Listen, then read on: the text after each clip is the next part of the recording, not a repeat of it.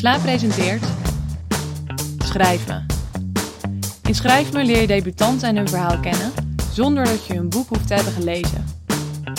Schrijvers van de nieuwste lichting schrijven een persoonlijke brief aan een personage uit hun debuutroman en praten met Maurits de Bruin over hun verhaal en hun toekomstplannen. In seizoen 2 luister je naar de brieven van Tatjana Amouli, Marion Bruinenberg, Sarah Neutkes en Shula Tas. Dit programma is live opgenomen in Canvas.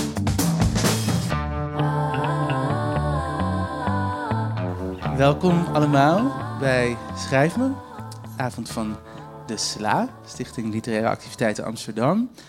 Ik ben Maurits de Bruin en vanavond staan er vier debutanten centraal, die hier op de eerste rij zitten. Marion Bruinenberg, Sheila Tas, Sarah Neutkens en Tatjana Omouli. Ik ga ehm, vanavond met hen alle vier in gesprek. Zij hebben alle vier van Sla de opdracht gekregen om een brief te schrijven aan een eh, personage uit hun debuut. En nou ja, zoals gezegd gaan we dan ook over die, over die brief praten. En die brief is eigenlijk de manier waarop jullie die boeken leren kennen, als jullie die nog niet gelezen hebben. We beginnen met Marion Bruinenberg. Um, Marion Bruinenberg werd genomineerd voor de Joost Zwagerman Essayprijs met een essay over dingenliefde. Uh, haar verhalen, essays en recensies verschenen onder andere in de Nederlandse Boekengids, 3 voor 12 en de Lagarde. En Marion is acquirerend redacteur non-fictie bij HarperCollins Holland.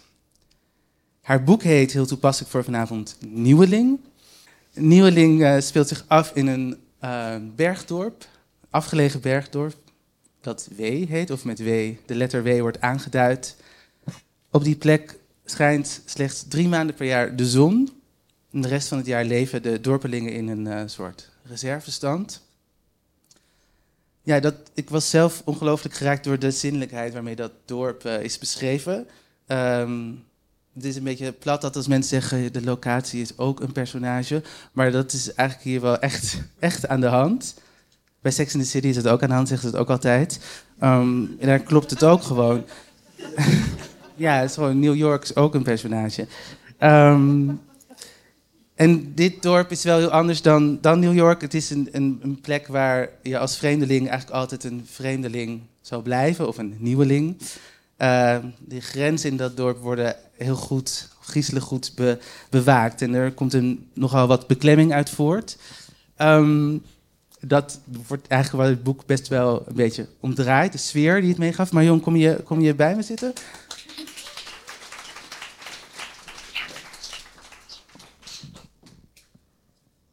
En um, Nieuweling gaat ook over een, een vriendschap natuurlijk, die, die ja. eigenlijk centraal staat hè, tussen Simone, de verteller in het boek, die ze aangaat met Evelien.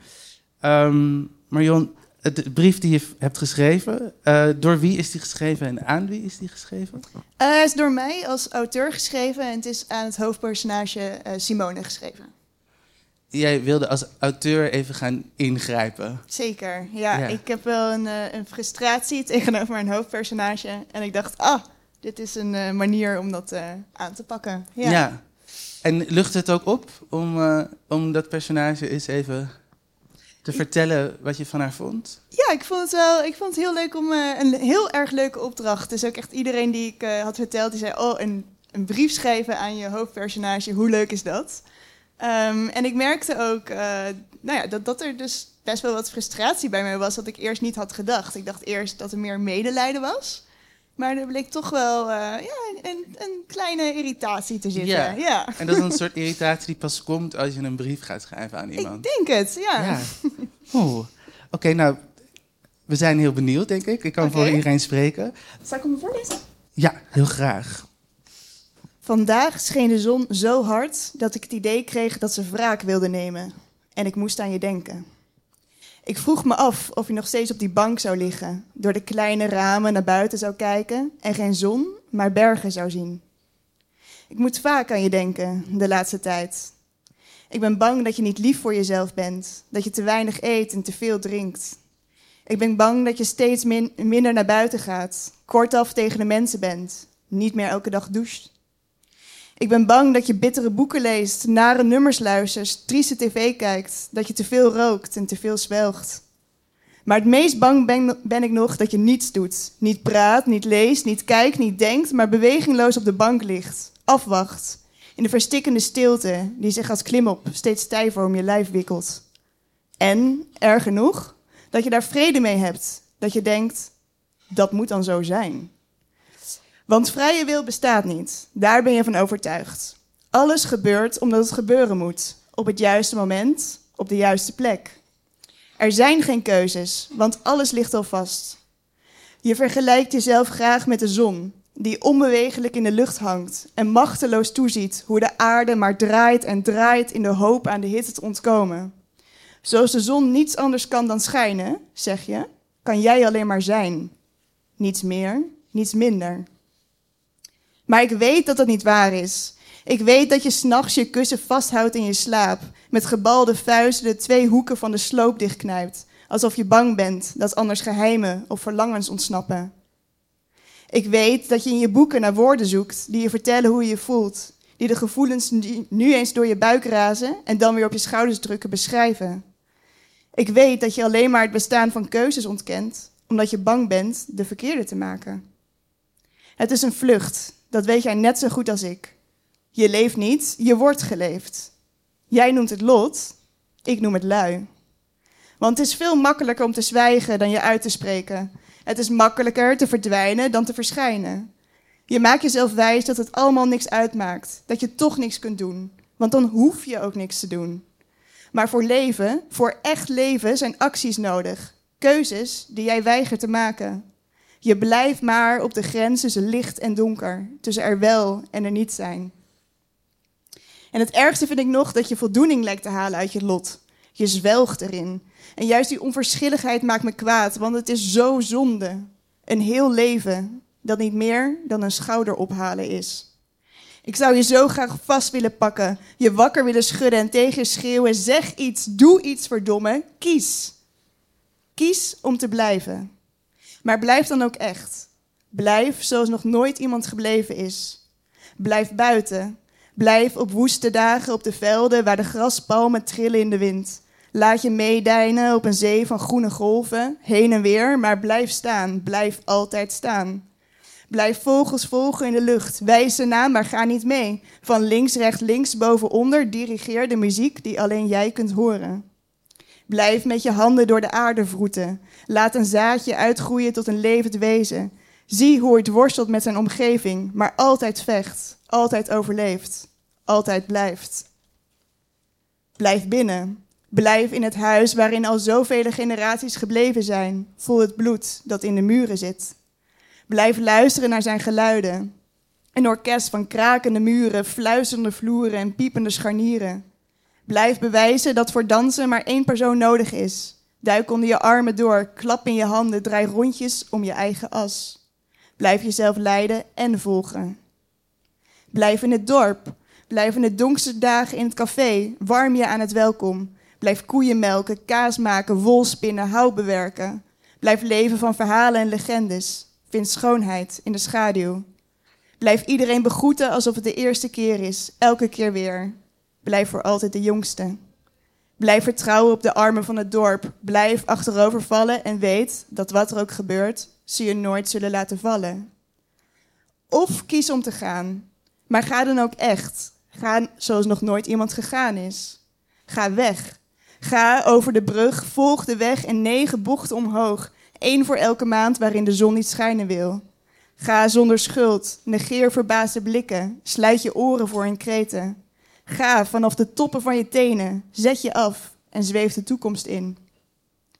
Ga ontdekken wie je bent. Ga studeren of werken, maar ga door met je leven. Sta niet langer stil. Ga verhuizen en op kamers. Hoor de buren in je muren net dichtbij genoeg om niet alleen te zijn. Ga dromen. Zie flats als bergtop uit de grond reizen en hoor vliegtuigen brullen in de lucht, trams trillen in hun rails. Ga je eigen verhalen maken. Ga slenteren langs etalages. Kijk, maar koop niet of geef juist al je geld uit. Ga dansen met onbekenden. Maak vrienden voor één nacht. Slenter samen met de zon weer naar huis. Ga op in de menigte. Vier de vrijheid, vind jezelf elke dag opnieuw uit. Zie schoolkastjes oversteken, hoor kinderen lachen, gillen, huilen. Schop een voetbal terug die jouw kant op rolt. Of laat hem gaan. Ga op drukke dagen naar de markt, ruik de geur van vis en fruit, luister naar stemmen die niet langer voor jou alleen zijn. Ga mensen kijken. Zie ze schreeuwen, schelden, zoenen, slapen, slaan, maar weet dat het niets met van jou van doen heeft. Niets is jouw schuld. Ga, ga kiezen. En wat je ook kiest, kijk niet meer om.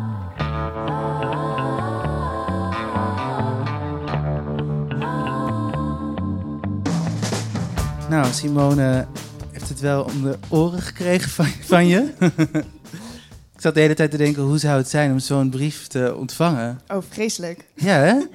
Ja, dan moet je wel even verteren dan. Ehm, dus de frustratie, hè, die, uh, die uit deze brief Klein beetje, klinkt. ja. Uh, die werd vooral veroorzaakt door de besluiteloosheid van Simone. Ja, Kun je klopt. daar iets over vertellen? Ehm, nou ja, het is dus een... Ze leven in een dorp waar er maar drie maanden per maand zon is. Ehm, en alle jongeren zijn al weggetrokken. Eh, en er leven alleen nog maar oudere mensen in het dorp. En het is... Zij is niet weggegaan, maar ze is ook niet echt daar. Ze is een soort van tussenweg waarin ja, ze niet echt leeft. En op een grens is het tussen wel en er niet zijn. En ik vind dat zo zonde. Dat ik denk, ja, maar leven kan ook gewoon heel mooi zijn. Maar dan moet je wel gewoon acties ondernemen. En ja, ik vind dat jammer dat ze dat niet doet. En natuurlijk heb ik het zelf bedacht, maar toch vind ik het jammer dat ze het niet doet. Ja, want daar zit inderdaad wel de crux, denk ik. Jij hebt dit bedacht, Marion.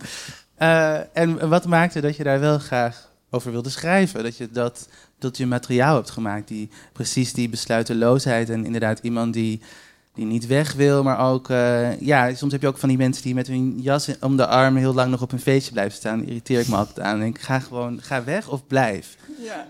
Maar wat, wat wilde je daarmee vertellen? Uh, waarom wilde je daar graag over schrijven, laat ik het zo zeggen? Nou, ik denk dat het best wel tekenend is dat uh, mensen gewoon heel veel moeite hebben om keuzes te maken.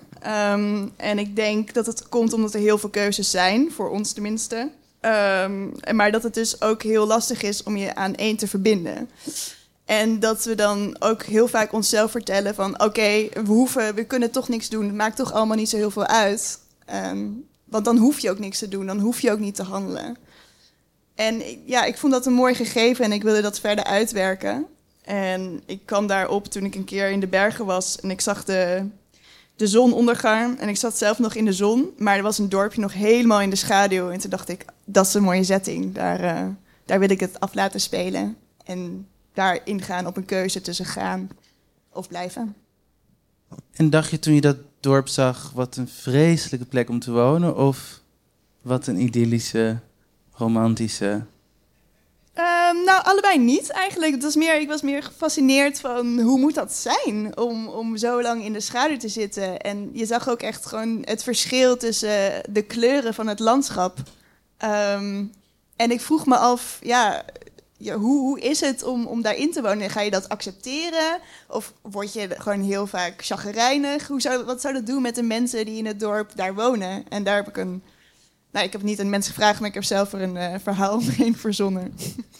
En dus ook vanuit het idee dat de plek waar we wonen wel degelijk heel bepalend is voor, voor wie we zijn. Ja, ja dat denk ik wel. Uh, het is natuurlijk ook uh, waar je geboren bent, dat maakt wie je bent. En uh, ja, je zit dan ook vast in, in bepaalde keuzes of uh, omstandigheden waar je misschien niet uit kan of niet uit wil. Um, Kom je zelf uit een dorp? Uh, ik kom zelf ook uit een dorp, ja, in Drenthe. Mm -hmm. um, daar wilde ik wel weg. En dat, dat is heb gelukt? ik ook gedaan. Ja. Maar dat was ook een strijd tussen blijf ik of, of... Nee, nee, niet per se. Het is, was voor mij heel duidelijk dat ik ging. Ja. ja. En nou ja, zoals ik je ook net introduceerde, je acquireert ook boeken. Ja, klopt. Dan wel non-fictie. Ja. Maar toch kan ik me voorstellen dat het ook wel wat invloed heeft op hoe je schrijft of hoe je over je boek nadenkt. Of is dat iets wat je helemaal kan laten vallen of, of helpt het je ook? Nou, het was voornamelijk dat ik weet hoeveel druk erachter zit. Dat ik weet, oké, deze deadline is een harde deadline, want dan moet het naar de drukker toe of naar de zetter toe. En ehm, dus ik was voornamelijk eh, ja, meer gestrest, denk ik. Juist omdat ik weet wat erachter zit en hoe definitief dingen kunnen zijn. Ehm, maar het is ook wel, ja, het, scheelt ook wel dat je weet wat er gebeurt en hoe het, hoe het allemaal in elkaar zit. En, ehm, dus het heeft ook wel voordelen, maar ook nadelen. Je weet ook hoe hard er achter de schermen gewerkt wordt aan, eh, Precies, aan ja. jouw boek. Ja. Dankjewel, Marion. ja, dank jou wel.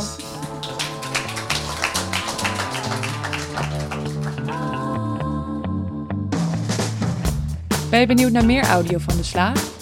Volg ons via Slaakast.